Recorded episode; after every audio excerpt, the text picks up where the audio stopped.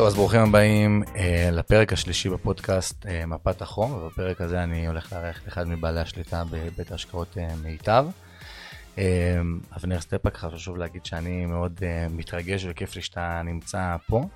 אני זוכר עוד, כיף להיות פה. אני זוכר עוד ממש לפני שהפודקאסט אה, שלך אה, ושל עומר רבינוביץ', אה, התמונה הגדולה והמשקיענים והשקעות למתחילים. ככה התחלתי לשמוע וככה קיבלתי מזה המון אה, ערך. אה, תן כמה מילים שמי שלא מכיר ומי שעדיין לא יודע. אה, אז אחד משני הבעלים של מיטב, בעלי השליטה, לשעבר המנכ"ל, גדלתי לתוך העסק, אבא שלי הקים את מיטב לפני 40 ומשהו שנים, וכל חיי זה מה שאני עושה, מגיל 12 משקיע בבורסה, כמובן בכסף כיס אה, קטן, לא, כן. ב- לא לדאוג, לא כספי לקוחות. אה, וזהו, ומתעסק אה, בעיקר בשוק ההון, הרבה מאוד בפינטק של שוק, זאת אומרת טכנולוגיה בשוק ההון, וגם באזורים היותר חדשניים מהקריפטו וה-NFTs ועד uh, הרבה מאוד תחומים שהם ככה לא הסטנדרט נקרא לזה של בתי השקעות, אני גם שותף קטן ודירקטור באיטורו, חברה גלובלית ישראלית שעוסקת, פועלת גם בתחומים האלה. Uh, חוץ מזה יזם בתחום האופנה, uh, גם טכנולוגיה של אופנה uh, ויזם חברתי, הקמתי שתי עמותות ומתעסק המון בכל הדברים האלה. קודם כל סבבה, מדהים. בוא נתחיל ככה בדרך שלך בשוק ההון בכלל ובמיטב בפרט. איך זה לגדול לתוך, איך זה להתחיל. היית מנכ"ל, אם אני לא טועה, ב- בשיא המשבר בבורסה, לא? ב-2000 כן, ו... שנים מחורבנות מאוד, אה, כן. כן. הייתי האמת קצת קודם, לא רשמית, אבל מעשית, אה, השנים העיקריות היו באמת אה, אה, ככה באזור המשבר של 2008, שזה גיהנום, אין דבר יותר גרוע מלהיות מנכ"ל של בית השקעות בשנה הכי גרועה בהיסטוריה. ואני עוד נסעתי עם חברים, היינו מה, בתואר השני ונסענו לכזה טיול כזה בחו"ל, והיינו באיזה פינה שאין סלולר, ואף אחד לא יודע בכלל שנאסדק קורס. ופתאום מישהו איכשהו, יש לו איזה שרביט של- חבר'ה, העולם קורס, אנחנו יושבים שם באיזה, איזה, כמו איזה אי קטן אי שם לא רחוק מהמלדיבים, ובאמת מנותקי מגע. ואני מבין, וזה קורה ביממה הראשונה שאני מגיע, כאילו באנו לאיזה שבוע עשרה ימים טיול, ואני כאילו כבר מבריז ביום הראשון. אה, מזלי היה לי אזרחות אמריקאית אז, ואני נוסע דרך כל מיני מדינות שהיום לא הייתי יכול לעבור בהן.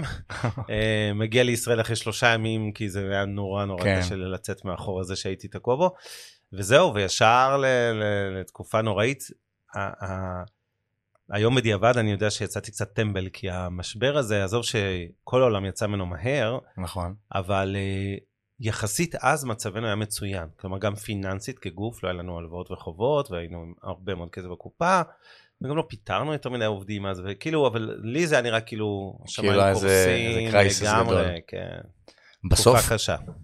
בסוף כאילו, בתכלס המשבר זה לא איזה, זה משהו שהוא כאילו גלובלי. איך בתור מנכ"ל של בית השקעות בכלל ניגשים לזה, גם מהפן המנטלי, של בסוף, אתה יודע שעכשיו נמצא בתקופה שאתה בדיעבד יודע שהיא הסתיימה מהר, אבל באותו רגעים אתה כאילו חוזר לארץ ברור. וזה. וגם מהפן של ניהול המשבר, בין אם זה ההנהלה, עובדים, בין אם זה ניהול נכסים. תשמע, מנטלי זה הכי חשוב, גם למשקיע ולא כל שכן לבעלים של בית השקעות, כי נכון. מנטלי, הדבר הטבעי והטעות הנפוצה שמשקיעים עושים זה לברוח כמובן, למכור מניות, להסתדר בבונקר וזה.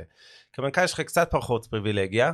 זו הייתה התקופה הראשונה, באמת לשמחתי האחרונה, שהכרתי כדורים פסיכיאטריים, לא ידעתי מה זה כל הרסיטל ובין כל הדברים האלה, פתאום וואלה, כן. גם אני צריך.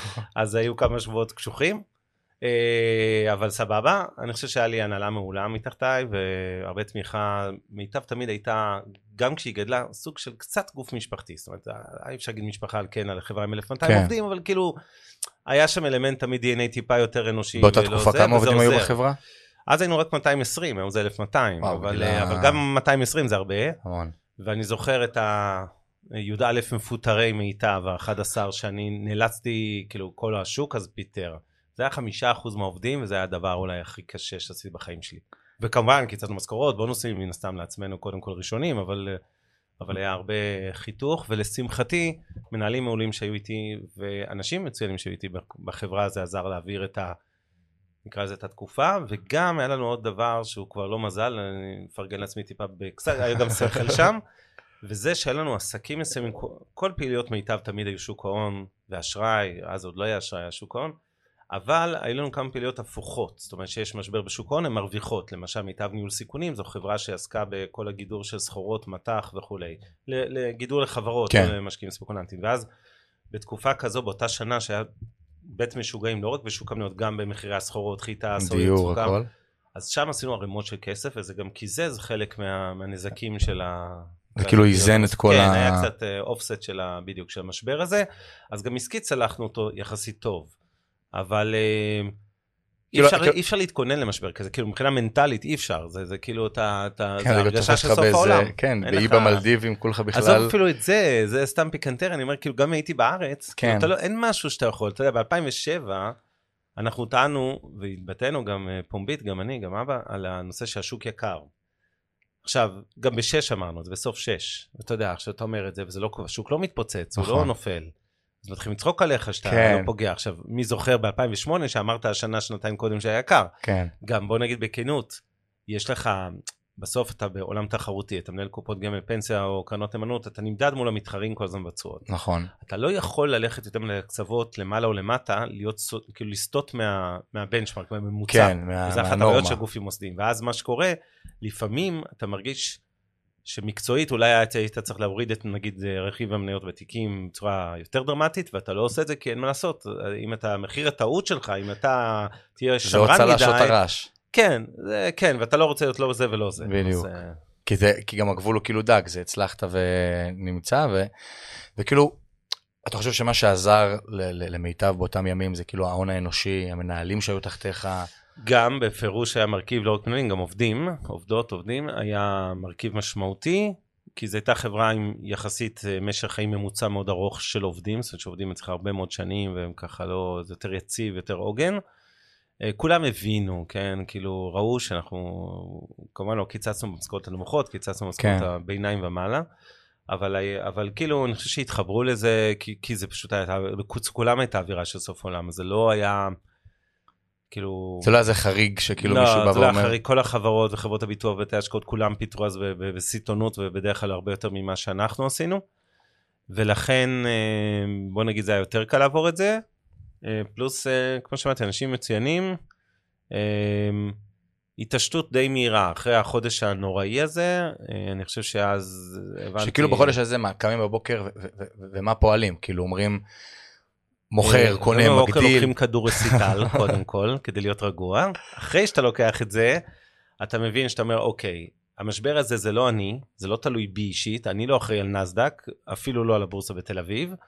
ולכן, ברגע שאתה מבין שזה לא בידיים שלך, אז אתה, ו, ואתה יכול, אתה בעצם מתמקד במה שכן בשליטתך. נכון. אז החיסכון בהוצאות זה משהו מציק, מעיק, אה, אבל הכרחי גם. אבל הכרחי, אבל אתה לא, גם אין מה להתעסק בו יותר מדי. נכון. אתה, אתה עושה החלטות, אתה עושה כמה ישיבות, אתה מדבר עם מנהלים איפה אפשר לדעתכם לחשוף וכולי, אתה מן הסתם עם הדברים הראשונים מקצצים תקציבי שיווק פרסום, באופן טבעי אין מה להשקיע בזה.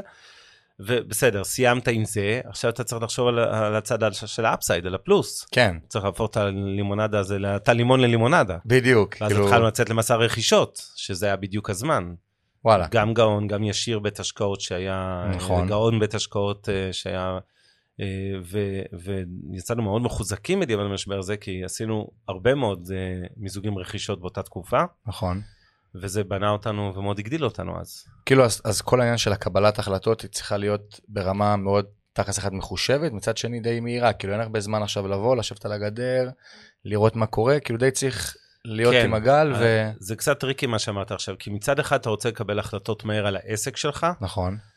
כי גם אנשים מסתכלים מה אתה עושה, ואם אתה לא עושה כלום, אז אומרים, רגע, מה, מה, מה קורה פה? הכל קורס והוא כאילו אפאתי ואדיש. מצד שני, כמו שאמרתי שלמשקיעים זה טעות לפעמים לקבל החלטות אה, קיצוניות בזמן למשבר, וזה בדרך כלל ההחלטה זה לברוח מהשוק, נכון. מהבורסה או מהמניות.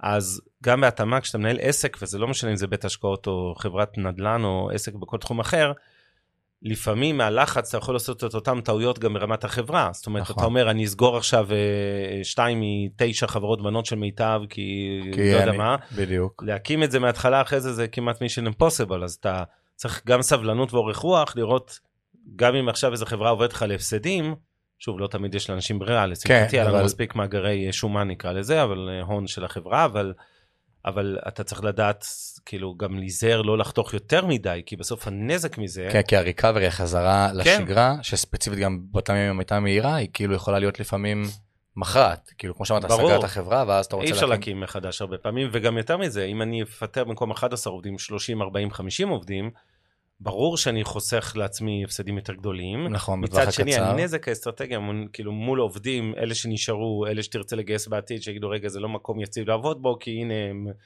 אה, כן, פיטרו בהינף יד כל כך הרבה, זה גם שיקולים שאתה עושה.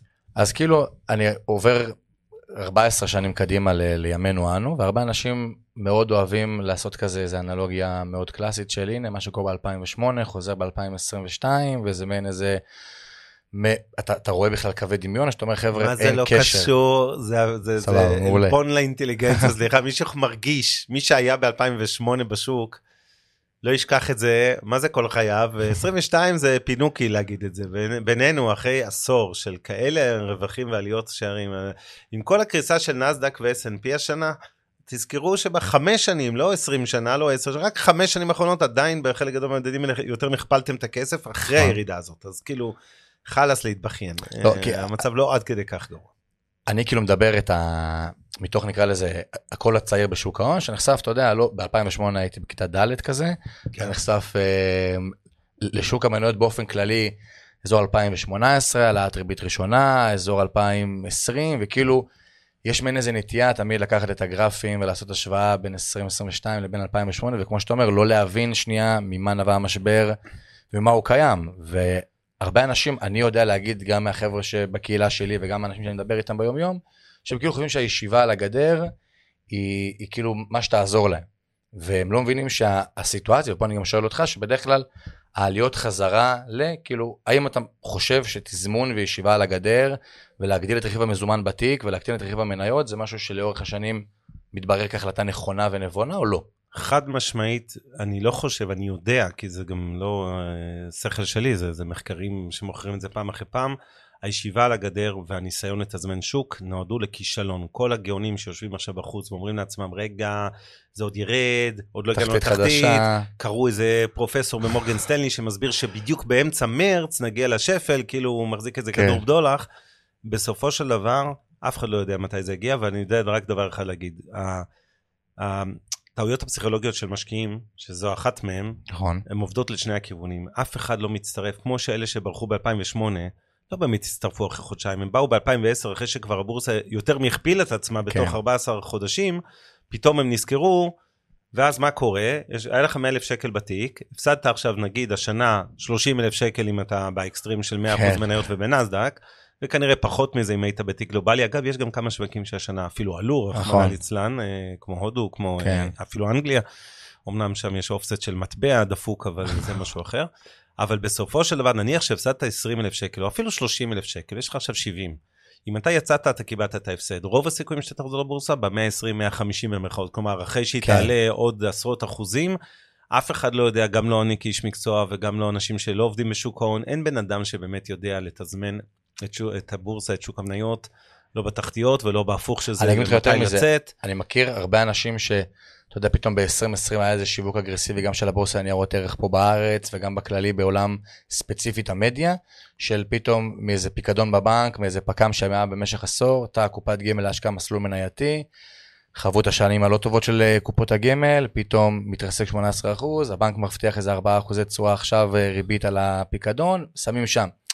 וכאילו הגלגל הזה, בדיוק כמו שאתה אומר, מה שמונע מהם, כי מתי הם הפעם יחזרו, שהשוק יעלה, יחזיר את עצמו ויגיע לשיא חדש, ואז הם יגידו, טוב, ניכנס, ואז גם שם השוק יהיה יקר, ו... ברור, אגב, לא סתם, לצערי, לא מעט מהישראלים, אם אתה מסכם 20-30 שנים אחורה ברוורס של הבורסה, יש לא מעט ישראלים שהצליחו איכשהו להפסיד כסף, זה הרבה, אני מדבר בעשרות אחוזים שהפסידו כסף, כלשהו, לא משנה, למרות שאם היית סתם, כמו טמבל, קונה תעודת צה"ל, או לא משנה, קרנות נאמנות, כן. או כמה מניות אי שם, ב, לא משנה אם זה 95, או אפילו בדקה לפני המשבר ב-2008, לפני המשבר, כלומר לפני הקריסה, היית מרוויח ערימות של כסף עד היום. אז לא, לא היה צריך חוכמה גדולה. אגב, אחת הסיבות שנשים עושות תשואות יותר גבוהות מגברים, זה גם מוכח מחקרית, וואלה. זה בדיוק זה. זה השליטה, היכולת לא, לא להיסחף, למכור ל- לא ו- להיכנס להיסטריה ולחץ ולמכור והפוך וכל הריגושים האלה, שבסוף דופקים את התשואה של התיק. כל מי שהיום, כמו שאמרתי, יושב על הגדר ואומר לעצמו, רגע, אבל המיתון, ונכון, האינפלציה מאחורינו, ועכשיו מגיע מיתון, אז יש זה, חברות הרוויחו פחות, והצפי יורד, ו... בסדר, נו, מה לעשות, חלק גדול מזה מגולם בבורסה, הבורסה היא הראשונה, כמו שראינו בקורונה, זה כן משהו שהדור הצעיר אמור לזכור, זה רק לפני אה, פחות משלוש שנים. מה קרה שם? אנשים, הרי הבורסה, אה, בינואר נודע על הנגיף. נכון. לראשונה, וזה נראה כאילו זה בעיה סינית קטנה עדיין, עוד לא התפשט כן, בעולם. כן, זה כתבה בעיתון. בפברואר אה, מתחילה קריסה של שוק המניות, במשך שלושה שבועות מ-25 לפברואר, שלושה שבועות לתוך מרץ, השוק קורס חזק מאוד בכל העולם, גם בישראל. נכון. עכשיו, כל מי שאז יצא, לא משנה אם זה קופות גמל או קרנות אמונות, או סתם השקעה ישירה במניות, כאמור, מעטים מאוד חזרו בשפל של 20 ומשהו למרץ לצורך כן. העניין, כולם הגיעו לשם הרבה אחרי, רצו לפתוח חשבונות, להשקיע חזרה במניות, והם כבר פספסו חלק גדול מהעלייה. וזה בדיוק הוכחה טריה יחסית, גם לדור הצעיר יותר, של כן. למה הניסיון לתזמן שווקים פשוט לא עובד. אז כאילו, בסוף אתה אומר, חבר'ה, זה משבר, זה קורה, זה אפילו לא דומה למה שהיה ב-2008, כי אני בטוח שרוב מאזינים לפחות שיאזינו לפודקאסט מהצד שלי, הם חבר'ה שהם פחות מחמש, שש, שבע שנים בשוק ההון, אז הם לא בכלל הכירו את 2008, מכירים איזה...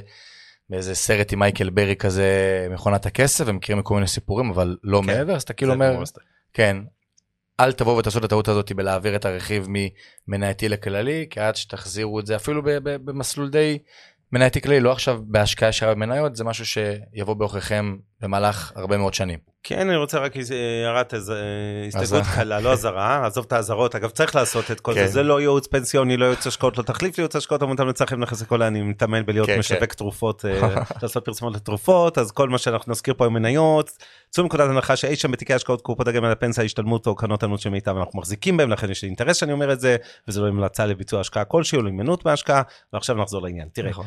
לדעתי, אני אגיד לך, אנשים לא מבינים, הבורסה היא בסופו של דבר אה, אינדיקטור מקדים. כמו שהיה בקורונה, קודם כל הבורסה קורסת, אחרי זה הכלכלה בעקבותיה יורדת, ובסוף באותו דבר זה עובד הפוך, זאת אומרת כשה, כשמתחילים לדבר על חיסון, בדיוק, כן. מיד השוק ההון כבר מתקן, אז זה בא לידי ביטוי.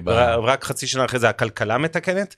אותו דבר פעם אחרי פעם קורה גם עכשיו, צריך להבין, הרבה פעמים הצרות של העולם ברגעים אלה, בין אם זה רוסיה אוקראינה ובין אם זה כל מה שקורה במיתון העולמי ועליית הריבית וכולי, כבר מגולמות הרבה פעמים במחירי המניות. עכשיו זה לא אומר שבטוח שהכל מגולם ולא יהיה עוד ירידה של 10-15 אחוז, אבל זה בטוח שחלק גדול מאוד מהחדשות הוראות כבר שם. ואנשים לא יודעים לעשות את ההבחנה הזו, בדיוק כמו שאגב לא עושים את זה ברמת מניה, הרבה פעמים אנשים מתבלבלים. בין מניה טובה לחברה טובה. אתה רואה נגיד חברה פרסמה דוחות כספיים נראים אחלה, צמיחה וזה, והמניה שלה בכלל יורדת ולא מבינים למה, כאילו הם השקיעו בזה. ואני אומר חבר'ה, המניה כבר עלתה בדיוק. בשנה הקודמת איזה 150 אחוז כי זה היה, היה עכשיו צפוי ש... עכשיו ראו את זה קלאסי עם כל המדד הסיני שעלה בחצי שנה האחרונה, אני לא טועה באיזה 50 אחוז. בגלל, הרבה, כן. כן, בגלל כל השחרור סגרים והכל, פתאום המדד של הונג קונג היום יורד באיזה שלושה אחוזים, אנשים לא מבינים, אבל מה, אתמול התפרסמה הידיעה על שחרור כן. הסגרים, ובדיוק כמו שאתה אומר, זה כבר מגולם עוד הרבה הרבה לפני. נכון. זה נמצא שם. הזכרת משהו שרוסיה אוקראינה, ואתה, היה לך חלק נכבד בכל הנושא הזה, מלראות את זה בפנים. כן. בא, הלכת, התנדבת, נכון. היה שם תן כמה מילים, תספר על הסיפור מהעניין שלך, איך זה נראה. אין לי שום קשר לאוקראינה, אני חייב להגיד גם לא שורשים, אבל uh, כשהתחיל הסיפור הזה, אני מודה, נכון, זה לא השואה ולא 1940 ו, אבל המחשבה על מלחמה באמצע אירופה ואנשים שכאילו חיים בהפגזות, זה באמת לא... תוך שניות נקרא לזה, נרתמתי לעסק הזה. גייסתי הרבה מאוד כסף, גם תרומות שלנו, מיטב האישי, ובעיקר של אחרים גם, ואנשי עסקים מכל העולם, ופשוט הלכתי להעביר משאיות של אוכל, מזון, תרופות, מוצרי יסוד כאלה, כן. פסטה, אה, אה, קמח ודברים ששורדים אה, חורף וכו', וקונה אותם על אדמת פולין, גרמניה, כל הספקים הנסטליים והמרקולות וכל מיני חברות כאלה אירופאיות, ופשוט מעביר משאיות. מאתר נהגים, היה מאוד קשה, ומצד שני מחלץ אנשים מתוך אוקראינה, לא לבד, הייתי חלק מ... היינו כמה אנשי עסקים שעבדנו ביחד, הוצאנו בערך 1,400 איש, בערך 10% לישראל, הרוב לאירופה, כולל ילדים אה, חולי סרטן לשניידר, שעד היום בישראל כרגע, בטיפולים פה, לשמחתי כולם חיים גם, ולא רק uh, הגיעו לפה. וכל מיני סיפורים באמת מרגשים ומרתקים, היה ממש כיף, ממש אהבתי את זה, וכאילו אני בקטנה עדיין מעורב בזה, אבל... כל האופרציה של להגיע לשם, כמו שאמרת, לאתר נהגים, זה באמת מה שמציגים בחדשות? כאילו נגיד אני אזרח, לא הייתי באוקראינה, לא מעורב, רק רואה מה שהם מפרסמים בחדשות.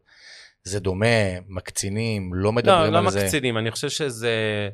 תראה, היום זה לא תופס כבר את הכותרות נכון. הראשיות, נקרא לזה, זה אייטם מספר 5 בליינאפ. אני חושב ש... או 7 אפילו. בשונה מישראל, שאנחנו הרגשנו פה כל השנים בצדק, שכאילו מבחוץ זה נראה כל היום פה מלחמות ומבפנים אנחנו סבבה, שם זה קצת יותר דומה, התיאור התקשורתי, למציאות של מלחמה, אה, בהרבה מאוד אזורים, ואני חושב ש... אה, ומצד שני, כן, זה לא, בואו בוא נשים גם בפרופורציה, כן. הבעיה העיקרית היא העובדה שהבריחו רבע מאוכלוסיית אוקראינה הם פליטים שיצאו מהבת- מהבתים שלהם. הבעיה העיקרית היא לא כמות ההרוגים, לא נהרגו שם מיליוני בני אדם כמובן. בעיה עם כן? כמות הפליטים שפשוט... כמות פליטים והאיכות חיים, שאנשים חיים בלי סלולר, שאתה הולך פעם ב... פעמיים ביום לאיזה כנסייה או מתנ"ס בשביל. בכלל לחשמל בשביל הסלולרי שלך, ואתה פותח אותו בחמש דקות האחרונות של השעה, כי אתה לא רוצה בזה סוללה, אז כולם כן. יודעים שהוואטסאפ אה, מתכתבים איתו בחמישה א' ולא אה, זה, וכמובן מזון, מים, יש מקומות, היום, ערים שלמות שבמיקולאייב עכשיו, אנשים עם מכליות כמו בצבא, לוקחים מים מ... ממכלית, כי אין מים זורמים. הלאה. כן, יש הרבה כאלה. אה, קשוח שם, אבל אה, אני מקווה שזה ייגמר. וכל ה... היו, כאילו, רוב התמיכה זה, גופים חיצוניים, כמו שאתה מגיע, או יש ממש ממשלות, משרדי חוץ שמאוד מעורבים שם, ומאוד נמצאים שם, או לרוב זה חבר'ה פרטיים שבאו וסיטואציה לא, מציקה. הרוב זה כן ממוסד ממשלתי, בעיקר אירופה. בכנות, לצערי, ישראל לא עשתה מספיק לטעמי.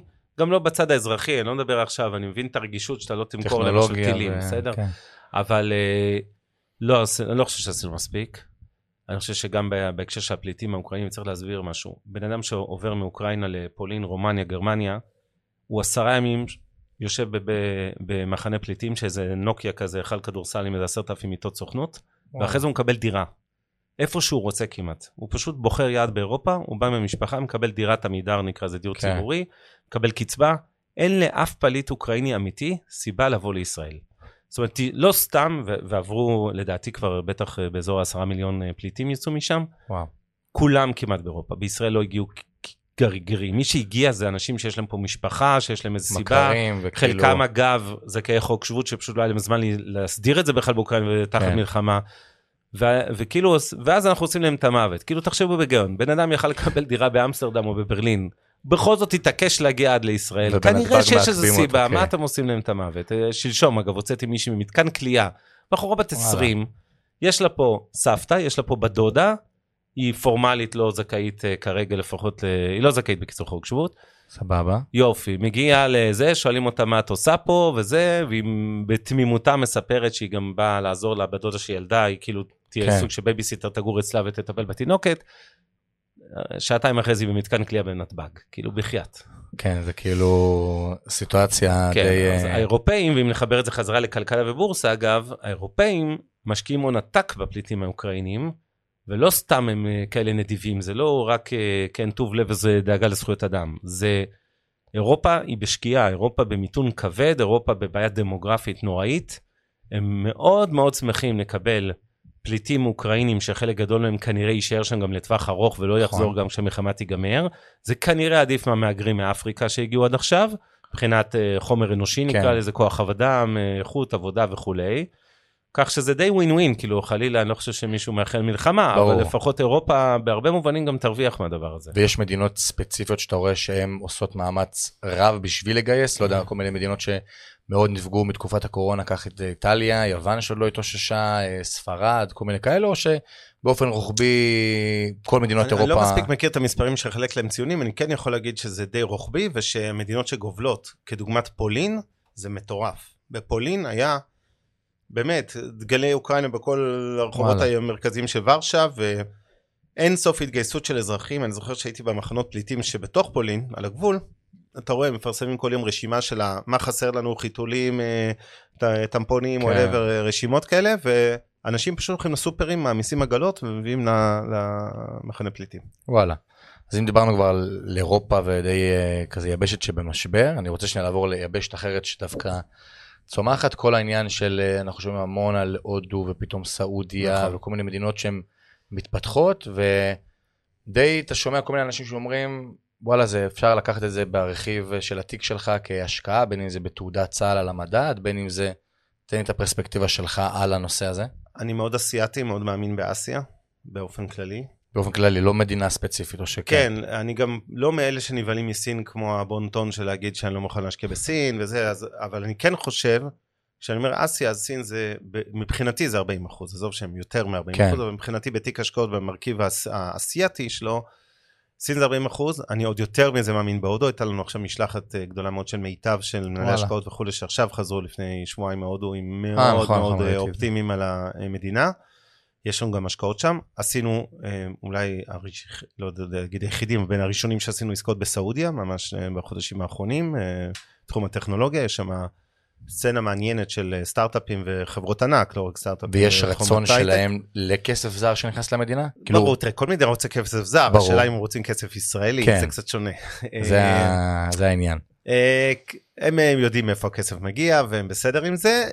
כן, אני חושב שגם האמירויות שיש לנו היום שם מרכז גדול יחסית באבו דאבי וכל הריג'ן, מה שקוראים ה-GCC, כולל כמובן סעודיה, הם משוועים, הם אוהבים לעשות עסקים, אוהבים לקבל כסף זר למרות שיש לא חסר להם כסף של עצמם כמובן. אז שוב, זה פיקנטריה, בתיק השקעות, כן, סעודיה ואבו דאבי כנראה לא צריכות לעבוד אה, יותר מ-2% אם בכלל כן. להיות בתיק, אבל אה, אסיה היותר אה, מזרחית נקרא לזה, כלומר דרום מזרח אסיה, הודו, או- סין, כל אלה. כן, לא רק הודו וסין, גם הרבה מאוד מהאינדונזיה, מלזיה, תאילנד, סינגפור, וייטנאם, המדינות וואלה. האלה מאוד מעניינות, יש גם תעודת סל, מדד האזיאנס, לא קל, היא לא מאוד נזילה, זה השש מדינות, שוב, בלי סין והודו, שלדעתי מעניין. אה, זה כלכלות יחסית שנפגעות פחות, הודו ווייטנאם גם מרוויחות מכל הבלאגן בסין, כי הרבה נכון. מהייצור עובר אליהן.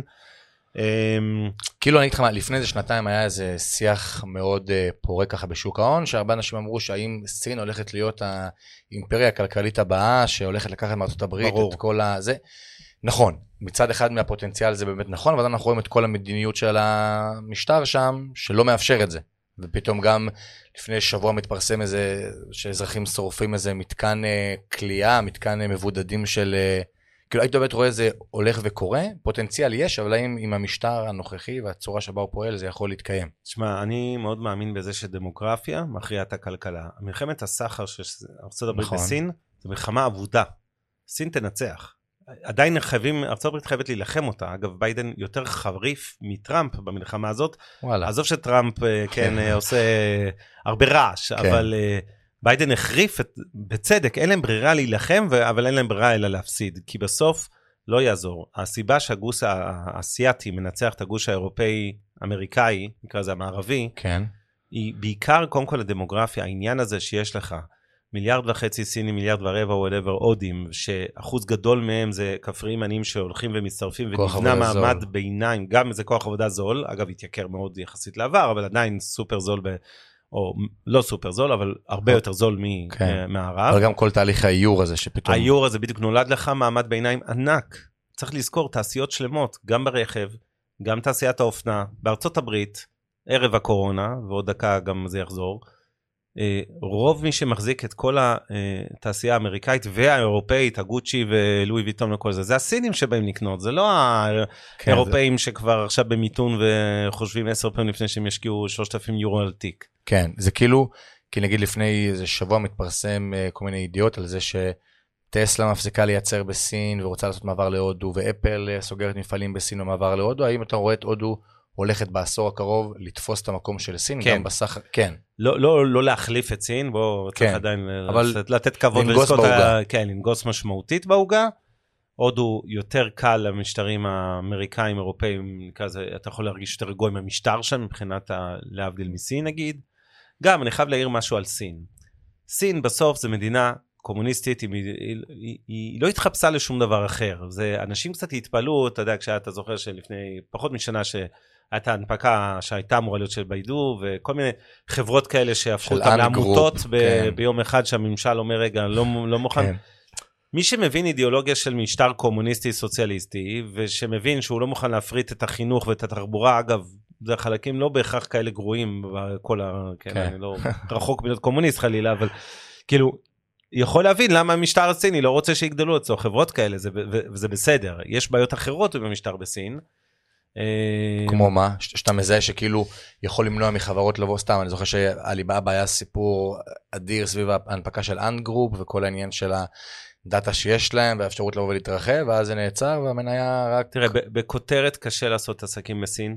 זה כבר ידוע הרבה שנים, לא לייצר בסין, זה קל. כן. לבוא לסין, לתת להם איזה plan ותייצרו לי, כולם יודעים לעשות. לעשות עסקים בסין עצמה מאוד מאוד קשה. יש בעיה של שקיפות בכל המדינה הזו, מהמשטר דרומה. וואלה. אתה אף פעם לא תמיד יודע אם, אתה, אם הכסף הוא ממשלתי או, או בפרטי, מגזר כן. עסקי כזה, אתה יודע, הכל מעורבב שם.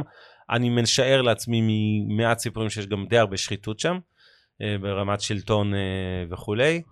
אז זה לא מדינה שקל לעשות בעסקים, אז אני יכול להבין, כן, גם בלי קשר לאידיאולוגיה הספציפית של אה, מפלגה קומוניסטית ששולטת שם, ברור. למה לפחד מזה, ועדיין אי אפשר להתעלם גם ממכפילים מאוד נמוכים של חברות שם, אם נשווה את הטק הסיני לטק האמריקאי, נכון. רוב הזמן, עזוב עכשיו שגם הטק האמריקאי על הקרשים, אבל אם נסתכל עד לפני כמה חודשים לאורך שנים, היה פערים עצומים בין סין לארה"ב בתמחור של חברות דומות, כאלי אקספרסים ואמזון וכו'. ואתה כאילו אומר שעל אף, כאילו יש את התמחור הזול, שזה טוב וזה יפה, אתה אומר שהמשטר לא יבוא ומה שנקרא...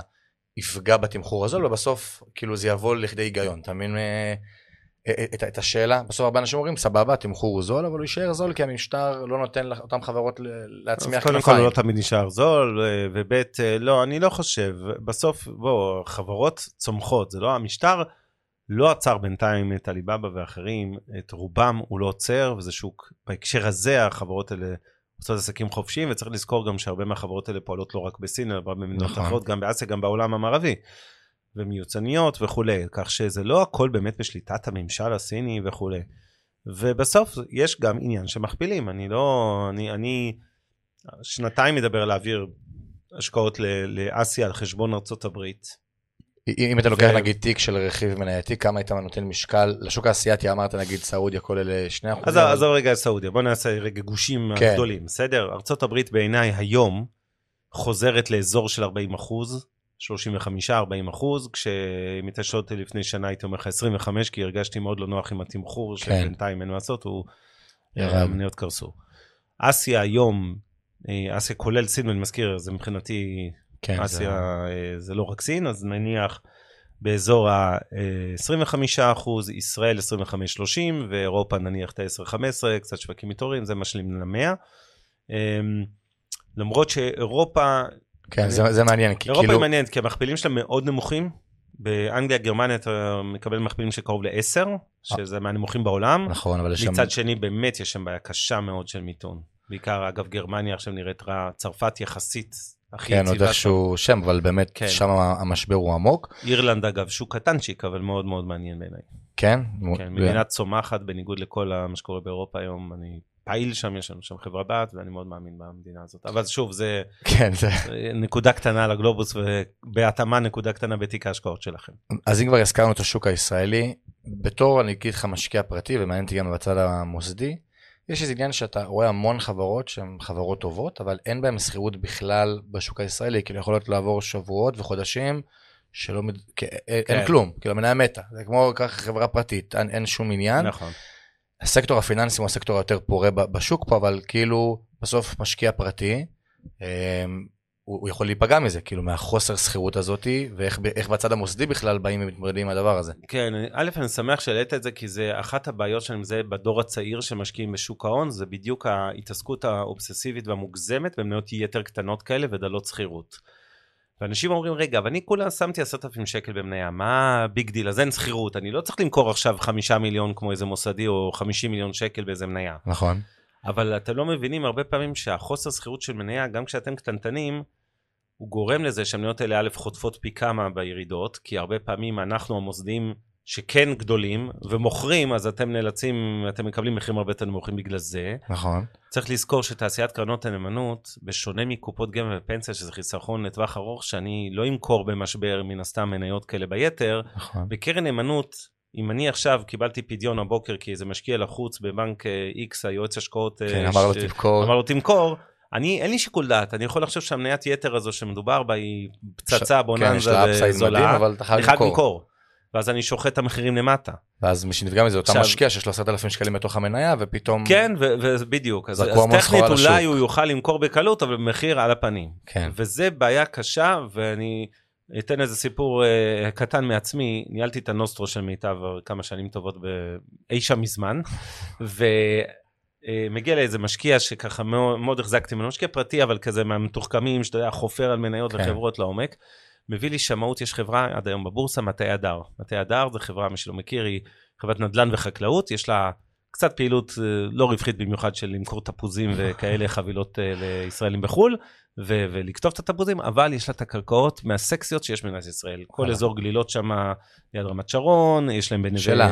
כן, אה, בית דגן, נס ציונה, כאילו מקומות אסטרטגיים, כן. אוקיי? כאילו ממש... אה, כיפים. הוא מביא לי איזה שמאות שהוא עשה אפילו כ- כ- באופן פרטי.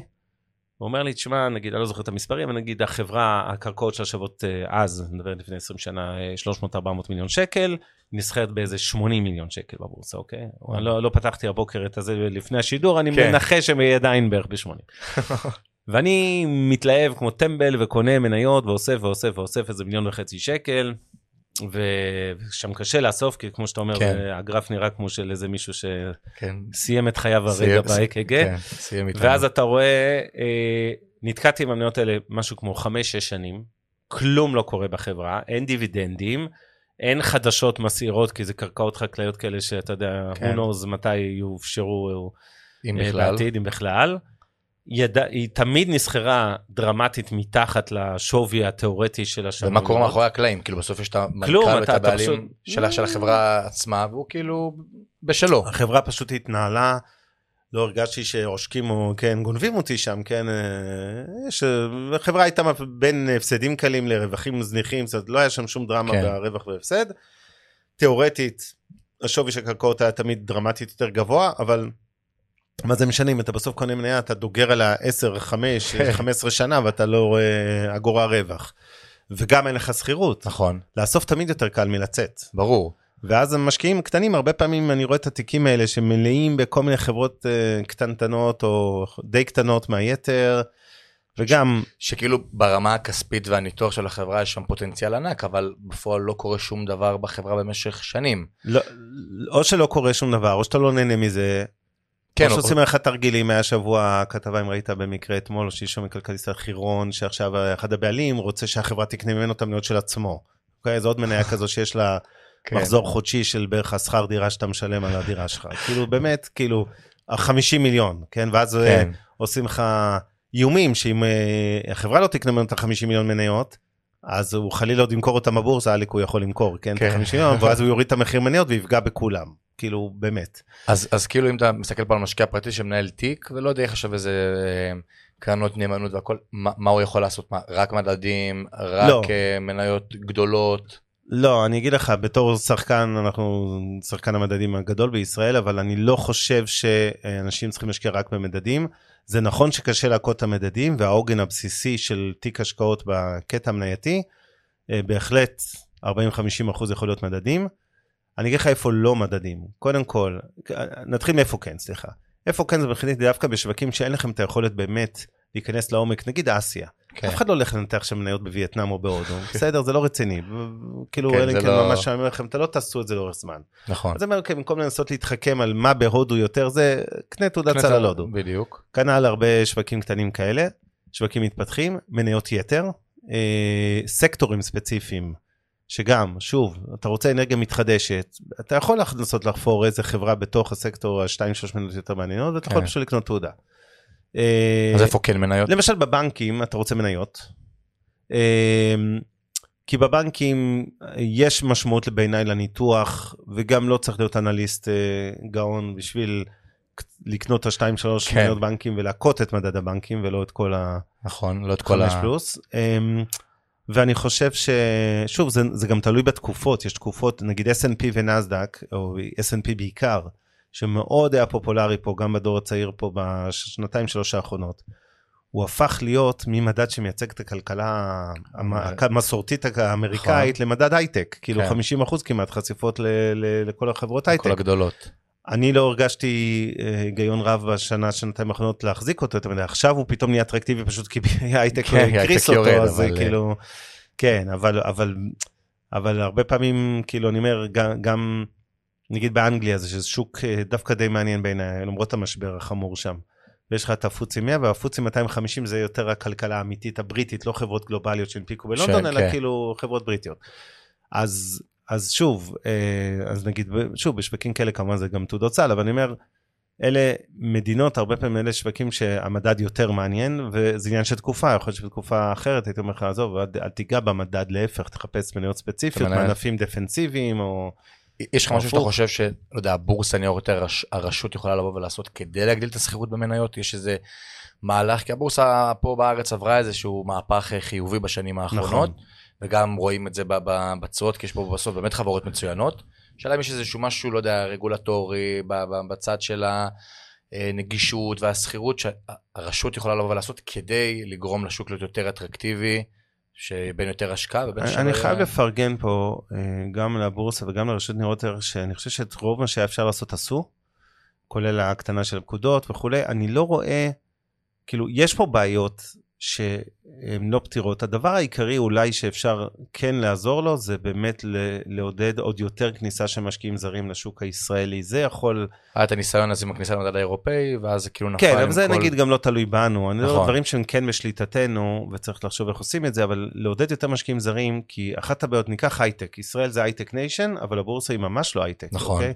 חוץ מכמה מניות דואליות, לא נעים להגיד, כל חברה טובה, אין לה מה לחפש פה, היא כלום. לנסדק, כן. נכון? היא לא באה להנפיק בתל אביב. למה? כי המכפילים בנסדק הם הרבה יותר גבוהים. אז אלה שהנפיקו פה לא עשו לנו טובה, אלא לא הייתה להם ברירה, הם לא כן. יכלו להנפיק את הסחורה שלהם בנסדק, אז הם באו לפה. ואני חושב שאם היה לנו יותר נוכחות של זרים, חלק מהארביטראז' הזה של המכפילים, המצב הזה שהמכפילים בישראל הרבה יותר נמוכים מהמכפילים בחו"ל, היה נסגר, ואז כאילו היה גם יותר אטרקטיבי לחברות ישראליות, להיות להגיד וואלה ננפיק מראש גם פה וגם בנאסדק, ותאורטית אולי רק בתל אביב, זה חלום אולי קצת אה, רחוק יותר, אז זה כן היה עוזר מאוד לבורסה. כי מרגיש לי שה... לא רוצה להגיד שמאגר החברות אה, מוצע, אבל בהחלט הבורסה עשתה פה מהלך מדהים עם הנפקות, אה, כן, והפעם, הגל- והפעם גם הרבה יותר טובות מבעבר, לא שכן גם ג'אנק נכנס לבורסה, אבל כאילו יחסית מגלים קודמים, שנסתכל 2007, שנות ה-90, שבאמת נכנסו ערימות של חברות זבל לבורסה, הפעם נכנסו חברות הרבה יותר איכותיות בשנתיים אה, שלוש האחרונות בהנפקות. ו- ושוב, זה לא שאין עוד חברות ש- שיכולות כן, להנפיק, ברור. אבל בגדול, אה, הסיפור העיקרי בעיניי זה להכניס אה, משקיעים זרים, וסיפור משני שהוא יכול לעזור הרבה לכלכלה הישראלית, לאו דווקא רק לבורסה, זה באמת היה תוכנית עוד מימי סילבן שלום, לעשות כאילו אה, את ישראל להאב כזה של אה, פינטק, וזה יותר משמעותי. אה. אני לא מאמין שזה יקרה לצערי בגלל חזיתות כמו בנקאות פתוחה וכל מיני שטויות אחרות, אבל אה, אם זה היה קורה זה גם היה עוזר אה, לנושא הזה של תמחור מניות בעקיפין. ואם אני מסתכל, דיברנו על השקעה בשווקים מתפתחים, דיברנו על ארה"ב, דיברנו על ישראל, כל התחום האלטרנטיבי, זה משהו שגם מיטב מאוד חזקה כן. ואוהבת. סופר וגם, אוהבת. כן, וגם ספציפית בארץ, לא יודע, יש איזה נהירה, אני חייב לדבר על זה, כל הנהירה, להשקיע פה בנדלן, באיזה דירה במרכז, שייתן לך איזה שלושה, ארבעה אחוז, במקום להיחשף, לא יודע, להשקעה ב- באירופה, שייתן לך פי כמה וכמה. נכון. אז תן כמה מילים על זה מהצד שלך, על הת- טוב, אז, אז רק לעשות. סדר, כשאומרים על השקעות אלטרנטיביות יש איזה חמש רגליים, אחת זה נדל"ן שהזכרת, השנייה זו private debt או חוב פרטי מה שנקרא, השלישית זה private equity, זה מניות פרטיות כן. וכולי, אה, כולל VCs נקרא לזה, הון סיכון, והרביעי זה אה, קרנות גידור, והחמישי זה נקרא לזה כל עולם הקריפטו, NFTs וכו'. נתחיל ממה אני הכי לא מאמין בו כרגע נקודתית, אוקיי? זה נדל"ן בישראל, זה הדבר בעיניי הכי מטומטם לעשות. אה, כשדירות כי? בגוש... כי אנחנו חיים בבועה, שיא כל הזמנים, בועה בכל קנה מידה, בכמות משכורות, בכל פרמטר שלא תרצה, אנחנו בבועה. ריבית המשכנתאות בשיא, אתה יודע, מדברים על השנה האחרונה, שמחירי הדירות נכון היום עלו בערך ב-20% ב-12 נכון. חודשים האחרונים. בולשיט, הם עלו ביותר מ-40%, כי רק ההתייקרות של משכנתה ישראלית ממוצעת, כן. מיליון שקלים, היום 940 אלף שקל זה המשכנתה הממוצעת, נכון. ל-24-5 שנים. רק עלייה של 2% ריבית בדבר הזה, שזה בערך, נגיד 18 אלף שקל לשנה ל-900 ומשהו, נכון. אה, רק הדבר הזה, אם נעשה מח"מ של נגיד בערך 10 שנים, זה, זה עוד 200 אלף שקל התייקרות בדירה, ויש אנשים שלקחו משכנתאות יותר גדולות. יותר זאת גדולות. חוץ מזה שמחיר הדירה עלה מ-1.6 ל-1.90 ומשהו, בערך 20 אחוז, קיבלת בעצם עוד, עוד 200-300 אלף שקל, תלוי בגודל המשכנתה שלך, התייקרות נוספת שאתה כאילו לא מרגיש אותה, אבל תכלס אתה משלם אותה, עזוב שזה בעוד זה לא איקס מאות ב- שקלים לכל, אבל. במונחי מזומן זה המספר. ואנשים לא מבינים את זה. עכשיו, כשבכל העולם מחירי דירות יורדים, ואני חייב להזכיר לאנשים שהיו הרבה תקופות, ב-20 שנים האחרונות, לא לפני עידן האבן, שניו יורק ופריז וסן פרנסיסקו ומילאנו, מחירי דירות ירדו בעשרות אחוזים. אז מה אתם חושבים, שתל אביב זה לא יכול לקרות? רק בניו יורק זה יכול לקרות, אבל פה זה לא יכול? אתה חושב שזה גם משפיע על הבורסה במניות? כאילו, נגיד במדד תל אביב בנייה. כן, ש- חטף. כן, שהוא חטף משמעותית השנה. אגב, זה בגלל שמשקיעים מניחים שהפעם, להבדיל מהרבה אזהרות שגם אנחנו טעינו וחשבנו כבר שמחירי הדירות יורדו הרבה קודם, הפעם יש איזו תחושה שזה כנראה הולך באמת לקרות. השאלה אם זה מעין, בדיוק, האם זה מעין איזה גלגל שימשיך להתגלגל עוד ועוד ועוד, או שבאמת פשוט, כאילו, הפעם זה הפעם. אתה מבין? כאילו... תראה, אי אפשר לדעת, כמו שאמרתי, אי. אפשר לתזמן שוק מניות, אי אפשר לתזמן שוק נדל"ן, אבל כן נגיד דבר אחד, נניח רגע שאני טועה, ואני סתם אה, נביא זעם. אז אני אומר, אוקיי, החלטתם כבר להשקיע בנדל"ן, בחייאת זום זום, בשביל אחוז נקודה שמונה תשואה משכירות, ותקווה שאולי עוד יהיה עליית ערך אחרי שכבר הדירות עלו פי שלוש, תלכו להשקיע בנדל"ן באירופה, באירלנד, 6.5 אחוז תשואה, 6-6.5 אחוז מהשכרה. כן, בלי שוק נורמלי, צמיחה 13 אחוז השנה, תל"ג כפול ממדינת ישראל, זה אחת המדינות העשירות בעולם היום מבחינת ההתפתחות שלה. תלכו הברית, למה, לא, תקנו ריטים, מה אתם, לא, מכל המקומות בעולם, דווקא דירה בתל אביב באיזה בניין מתפרק בין 80 שנה, זה ההשקעה הכי טובה. כאילו זה, כן. זה פשוט לא הגיוני, כאילו, אומר, אתה אוהב נדל"ן, סבבה, לא אשכנע אותך נגד נדל"ן, אבל... יש כמה דברים, כבר אז כבר, אם כאילו- כבר כאילו תעשה תשואה נורמלית, מה אתה משקיע במחירים פסיכיים של 150, לא יודע כמה משכורות היום כבר אה, בשביל לקנות פה דירה. אז זה כן. בהקשר הזה. בהקשרים האחרים האלטרנטיביים, התחום האהוב עליי, שאני הכי מאמין בו, ולטעמי יש בו כרגע עדיין את הארביטראז' הכי גדול בתשואת סיכון נקרא לזה, זה עולם החוב הפרטי מה שנקרא. אני לא אכנס לשמות, אני כן אגיד שבארץ יש בעיה שרוב הרי רוב המאזינים והצופים שלנו הם לא משקיעים כשירים מה שנקרא. נכון. ופה כן יש פערים בעולם האלטרנטיבי, משקיעים כשירים מקבלים דברים יותר איכותיים נקרא לזה, משקיעים לא כשירים. יש הרבה מאוד קרנות אה, מעניינות, לא משנה אם הן ישראליות או לא ישראליות. כן. להשקעה שמה לעשות, משקיע שיש לו עכשיו להשקיע בקרן מסוימת 30 אלף שקל, או אפילו 100 אלף שקל, לא יכול להיחשף.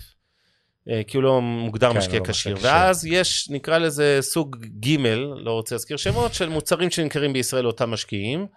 שמבוססי גופים שנותנים הלוואות ונגיד אה, מבוססי פק, כאילו פקדונות שלכם, ואז רואים תשואות של אה, 3, 4, 5 אחוז. זה באמת לא מעניין, כשיש לך אגרות חוב בבורסה שנסחרות כן, ונותנות ו- יותר. בול. אז יש ש- שני דברים כן בעולם הזה שמעניינים. א', משקיעים כשרים יש מיליון דברים מעניינים, אבל נגיד, כמו שאמרתי, כן. 99% ממי שמאזינים לנו כנראה לא יושב על משקיע 12 כשיר. מיליון שקל בבנק. ואז יש איזה טיר 2, משהו באמצע, שיכולים לקבל מהם נגיד 6-7 אחוז אמיתי, אני מדבר נטו למשקיע אחרי כל העמלות כן. הניהול לפני מס כמובן, וברמת סיכון שהיא הגיונית. וזה גם מתחיל להיות אה, יותר מעניין. וזה מתחיל להיות יותר מעניין. כי אם אני צריך להתלבט בין מקום שמציע לי שלושה וחצי, ארבעה וחצי אחוז, אני מעדיף כבר פיקדון בבנק. זה לא הגיוני. כן. שזו חברה פרטית שכן מציעה איזה אה, מוצר פיננסי כזה שהוא הוא פחות מעניין. אה, אני חושב שאנחנו גם אה, בדרך ל... לא משבר אשראי, אבל אה, לא בטווח הקצר. זאת אומרת, כן משבר אשראי, לא בשנה, שנתיים הקרובות. אה, פשוט כי אנחנו איך התחלנו... הוא ב- יבוא לידי ביטוי? כאילו, איך איך אתה רואה אותו בא לידי ביטוי? בעיות קשות של משקי בית. יש פה בעיה בישראל היום, של החזרים, כאילו. כן, שקודם כל מינוף יתר, אני אדייק. למה אני כאילו רגוע לשנתיים שלוש הקרובות? כי אני אומר, אוקיי, אנחנו עוברים תהליך מסוכן של אמריקניזציה של האשראי, כלומר, אנשים היום, קח אה, את עולם הרכב, אוקיי? כל החברות כמו מימון ישיר ודומיהן. לפני שלושה שבועות מפרסמת דוח, המניה מתרסקת, כי היא כן, אומרת, וזה עוד לפני שאנחנו במיתון, אנחנו בתקופה כן. טובה, כן? אז מה יהיה כשיהיה מיתון? אבל, אבל נגיד, היום אחוז מאוד גדול מה, מהישראלים קונים את הרכב שלהם ב-70-80 אלף שקל יד שנייה אחרי שלוש שנים ממגרש ליסינג, ב-100 אחוז מימון. מימון. פעם זה לא היה. מה זה פעם? לפני שלוש שנים כן. אנשים הביאו 20 אלף שקל, הביאו, סליחה, 20, 50 אלף שקל מזומן, וקנו ב-30 אלף שקל הלוואה, ולאט לאט זה התהפך, והיום זה כמעט, כמעט כולם כבר נהיו על 100 אחוז מימון. נכון. עכשיו, מה זה 100% ממי אתם עובדים? זה לא שהאוטו, אתה יכול להחזיר אותו, להגיד, תיקחו את האוטו על הזין שלי, בסוף אתה צריך, להחזיר, אתה ערב להלוואה הזאת. ועומס ההלוואות, כולל הגידול במשכנתאות, גם גדל הסכום, נכון. מ-620 אלף שקל לפני חמש שנים ל-940 כרגע, גידול של 50 אחוז, גם גדלה הריבית דרמטית, כי היית בעולם שגם הריביות הקבועות וגם המשתנות, הפריים היה, היה שואף לאפס, אז כאילו לא, הרג, לא הרגשת, כן. אז ההחזרים שלך גדלו. השכר לא, אמנם עלה, אבל לא עלה עד כדי כך. נכון. אז עומס ההחזר ההלוואות של הישראלי ממוצע אה, גדל מדי. זה לא בעיה שוב של שנתיים שלוש הקרובות, זה יפגוש... תהיה בעיה כשזה יפגוש, אני אגיד לך, מהמיתון של פיטורים, היום יש רק פיטורים בהייטק וזה גם לא בקנה מידה היסטרי. כן, זה לא רוחבי לכל המשק. כן, וכשזה יהיה קצת יותר רוחבי, אז פתאום זה יורגש ביג טיים, ואני ממש מפציר באנשים, אני רואה את זה גם כגוף מוסדי, אתה יודע, לקוחות שועטים אלינו לקחת הלוואות מגמל פנסיה השתלמות. וזה הלוואות יחסית זולות, כן, נכון. פריים מינוס חצי, פריים פלוס חצי, ברמות האלה רוב הגופים המוסדיים נמצאים היום. אמ, אני, אני לא בטוח שזה מגמה טובה. נקרא, אני בטוח אתה חושב אבל שיש משהו שהרשויות יכולות לבוא ולעשות? כי בסוף אני מדבר איתך בן אדם שלא חשוף נגיד לכל הנתונים שאתה, אתה, אתה רק קורא כל היום פרסומים על זה, ורק בואו תיקחו הלוואה, ולכל מטרה, ובפריים פלוס, וכאילו באיזשהו מקום רק מתדלקים אותך בעוד ועוד ועוד, כל מיני מוצרים, אשראי מתגלגל שנוצר בשנים האחרונות, והלוואות בפריים ואחוזים גבוהים, כאילו, איפה זה ייצר? זה ייצר ברגע שאותו בן אדם לא יוכל לעשות את ההחזר החודשי? או זה ייצר קודם כל אצל המוסדי, שיגיד, טוב, אני לא נותן את ההלוואה, כן יודע שלא תחזיר לי. תראה, יש לי דילמה עם זה, כי אני כן בסוף איש שוק חופשי, ואני לא חושב שמדינת ישראל והרגולטור אה, כן. הם הפתרון לכל דבר. אה, ומצד שני, יש מצבים שאין לך ברירה לעשות רגולציה, כי אתה אומר, זה יהיה מסוכן, אנחנו עוד לא שם, במסוכן מדי. כן. אבל אני כן חושב שבסוף זה השכל הישר של כל מי ששומע אותנו לגבי עצמו ומצבו ואיך הוא חי היום וכמה שנים הוא רואה. ורמת החיים. ורמת החיים והכל. ואי אפשר לבוא להתלונן, אתה יודע, זה מצחיק אותי, אני רואה את זה אותו דבר, ראיתי את הדוחות של הבנקים ברבעון, ראית הרי מספרים מטורללים. כן. המש... הישראלי ממוצע, אני מסתכל על ההכנסות של הבנקים 100 מיליארד שקל בשנה, זה מטורף, 100 לא מיליארד. נורמלי, לא נורמלי. הכנסות, אני מדבר, לא כולל ה... זאת אומרת, בלי ה... לפני הוצאות ריבית, כן. וההכנסות הן גם מעסקים, אבל בסוף מה זה עסקים? יש אנשים מאחורי עסקים, זה כן. רובם ישראלים, כן, ששמים את הכסף. ואתה חושב 100 מיליארד שקל על fucking 6 מיליון, 9 מיליון, סליחה, 3 מיליון משפחות בערך, 2.7 משקי בית. עכשיו, לא, אתם תתעסקו עם הקוטג', עם העגבניה, עם הלא יודע, להזמין מאלי אקספרס ולחסוך 20 אה, דולר. אה, כן, בואו תתחילו משם. אני לא רוצה לעשות פה פרסומות לבנק הדיגיטלי החדש, מונזירו אין לי שום קשר אליו, לא משקיע בו, אבל דוגמה, כאילו בחייאת, מה אתם יושבים זה? כן. בטח לעשות פרסומות לעצמי, ואנשים יושבים בעמלות מטורללות בבנקים במקום בגופים פרטיים, וכאילו מתעסקים בטפל ולא בעיקר. אז אני מקווה בהתאמה שאנשים כן יצליחו גם בעולם האשראי וההלוואות והמינוף יתר הזה, טיפה רגע להסתכל מאוד, ו... זה אבל מאוד מאוד אופטימי, כאילו שהצרכן בקצה שהוא מת על רמת חיים גבוהה ומת על האשראי, אני קונה עכשיו ומשלם בעוד עשרה חודשים על איזה מוצר שכבר הסתיים, כאילו בסוף, אני מבין מה אתה אומר, בסוף הבן אדם צריך להתעורר ולהגיד, כאילו, אני לא חי ברמה, אני מרוויח X ואני חי ב-X ועוד כמה. שאלה אם בסוף הגוף שנותן את ההלוואה יבוא ויגיד לא אני שם stop כי בסוף זה מתדלק אותו הוא מרוויח כסף והכל טוב ויפה. אבל תקשיב התפקיד של בנק ושל כל גוף שנותן הלוואה כמעט בטח חברת אשראי חוץ בנק הוא לתת הלוואה זאת אומרת אתה לא יכול נכון. לצפות ממנו להגיד לא לא לא אני לא רוצה לקוחות אני לא מרגיש נוח מוסרית לתת הלוואה כי אנשים לא, זה. השאלה אם הוא לא יפחד באיזשהו מצב שלא יוחזר לו ההלוואה נגיד הוא בא נתן הלוואה לאיזה משק בית והוא יודע שכבר הבן אדם נמצא ב... במינוף מאוד מאוד גבוה על, על חייו. א', הפחד הזה כבר קיים היום בגופי האשראי, ומה התוצאה שלו? שאתם משלמים פשוט ריבית יותר גבוהה, נכון? כי אין מה לעשות, הסיכון גדל. נכון. אז אם אתם רוצים להלוות ב-100%, אין בעיה, רק תשלמו 12-13% לשנה, שזה טרללת, אבל זה היום הריביות בחלק גדול מהגופים האלה. בסוף, בעיניי, אה, האחריות היא קודם כל על האנשים עצמם. בשלבים מסוימים, בנקודות קיצון, מדינה צריכה להתערב ולהגיד חלאס, כאילו אנחנו לא... כן, כן. צריך. לעצור את זה, אבל כרגע בעיניי, המסה הקריטית זה, זה אחרי של הלקוח. ש... כן, שהבן אדם פשוט יבוא ויבין שהוא חי ברמת חיים מאוד גבוהה לעומת מה שהוא מרוויח. כן, ואני חושב שגם פודקאסטים כאלה וכל הנושא של החינוך הפיננסי, מה שנקרא, שזה אולי הדבר שהכי חסר בישראל. נכון. זה חלק מהתפקיד של לעזור לאנשים לזכור את הדברים האלה ולא לעולם חוסן וזה שאתם היום אה, עובדים בעבודה שאולי אתם מרוויחים הרבה מאוד כסף כי קרה יש איזה ביקוש נקודתי או מחסור בעובדים או לא משנה מה. לא אל, ת, אל תניחו שהכל יציב לטווח ארוך עד כדי כך ותחיו כבר את כן. החסכונות העתידיים שלכם כבר היום. זה היה, זה היה באיזה, הייתי באיזה, באיזה כנס לפני איזה שנתיים, שבאו ושיווקו איזה פרויקט של נדל"ן בארץ, וחשבו שאני באתי בתור עובד הייטק, ואז אמרו כן. לי, בוא, אה, תקנה, ואז אני אומר, אין, אין לי 6-6 מיליון שקלים לבוא ולשים על הדירה, ואז אמרו לי, אין צורך, תשעבד את האופציות שלך. אני כזה מסתכל ואני לא מבין את אותו מתווך, לא הבין כן. בכלל מה הוא אמר לי, ואני כזה אומר, סבבה, והיום אותו פרויקט פשוט נעצרה לו השיווק ונעצר לו הבנייה, ברור, כי כבר... אבל יש להם הרבה אופציות ששוות כלום. כן, זה כן. פשוט, אה, הם תקועות עם זה. בתחום הקריפטו וה-NFT, איפה אתה רואה אותו, זה תחום שנכנס מאוד למיינסטרים בשנתיים האחרונות, תחום שמיטב... חשופה אליו, אתה מאמין בו, איפה אתה רואה אותו הולך לעשור הקרוב. יש את האלה המוגזמים כתיעוד מיליון דולר, ויש את האלה שזה לא הולך להיות איתנו בחמש שנים הקרובות. לא, לא, אני ממש מאמין, בשונה מהטרנד של רוב אנשי שוק ההון לזלזל במטבעות דיגיטליים ובטח ב-NFTs. זה כן נכון שהיום יש הרבה מאוד ג'אנקיאדה בשני התחומים האלה, גם במטבעות וגם ב-NFTs. אבל NFTs are here to stay, ומטבעות דיגיטליים, בטח ביטקוין ואתריום, are here to stay. אם הייתי בונה תיק השקעות של קריפטו, לא הייתי הולך עכשיו לפזר על 30 אה, מטבעות דיגיטליים אה, אקזוטיים כאלה, אלא בעיקר 90% מהכסף כנראה על שני אלה. אני כי? חושב ש... מה אתה רואה בתחום ה-NFTs והקריפטו שאתה... לא, קודם כל, קודם כל בוא נתחיל מהסוף. קריפטו ו-NFT זה, זה פינה קטנה בתיק ההשקעות, נכון. בסדר? זה לא אמור להיות uh, את המאחוזים קטנים בודדים. בתוך הקריפטו אני אומר, תתמקדו בגדולים. אל תתחילו להמר על כל מיני מטבעות איזוטריים כאלה שאנחנו רואים מאחורי, כן, זה לא, זה לא מעניין, ואם משהו ישרוד פה ויהפוך להיות הדולר ואירוע הבא, זה, זה בדיוק זה, זה הביטקוין וכו', ולא כל מיני uh, סולנות ומטבעות, uh, סולנות עוד יחסית uh, זה, אבל הרבה מאוד מטבעות זניחים כן. שזה.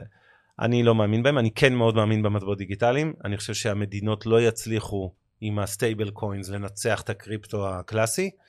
אה, וגם ב-NFTs, אני אגיד אה, שוב, כמו שאמרתי, לצד הרבה junk שיש, המון, בסוף, כמה שישמע מצחיק לאנשים, אפרופו גם המטאוורס וזה, אנחנו, יהיה לנו איזה פיסת נדל"ן באיזה רובלוקס או whatever, אה, אנחנו נקנה את הנדל"ן ליד ג'יי-זי וליד הקניון הווירטואלי הזה שהקימו כן, שם. כן, הם הקימו שכן ליד סנופ דוג. ויהיה לנו, אפרופו סנופדוג, לדוג שלנו הווירטואלי במטאוורס, יהיה גם תיק של גוצ'י שאנחנו נקנה לו ונשלם עליו אגב הרבה מאוד כסף.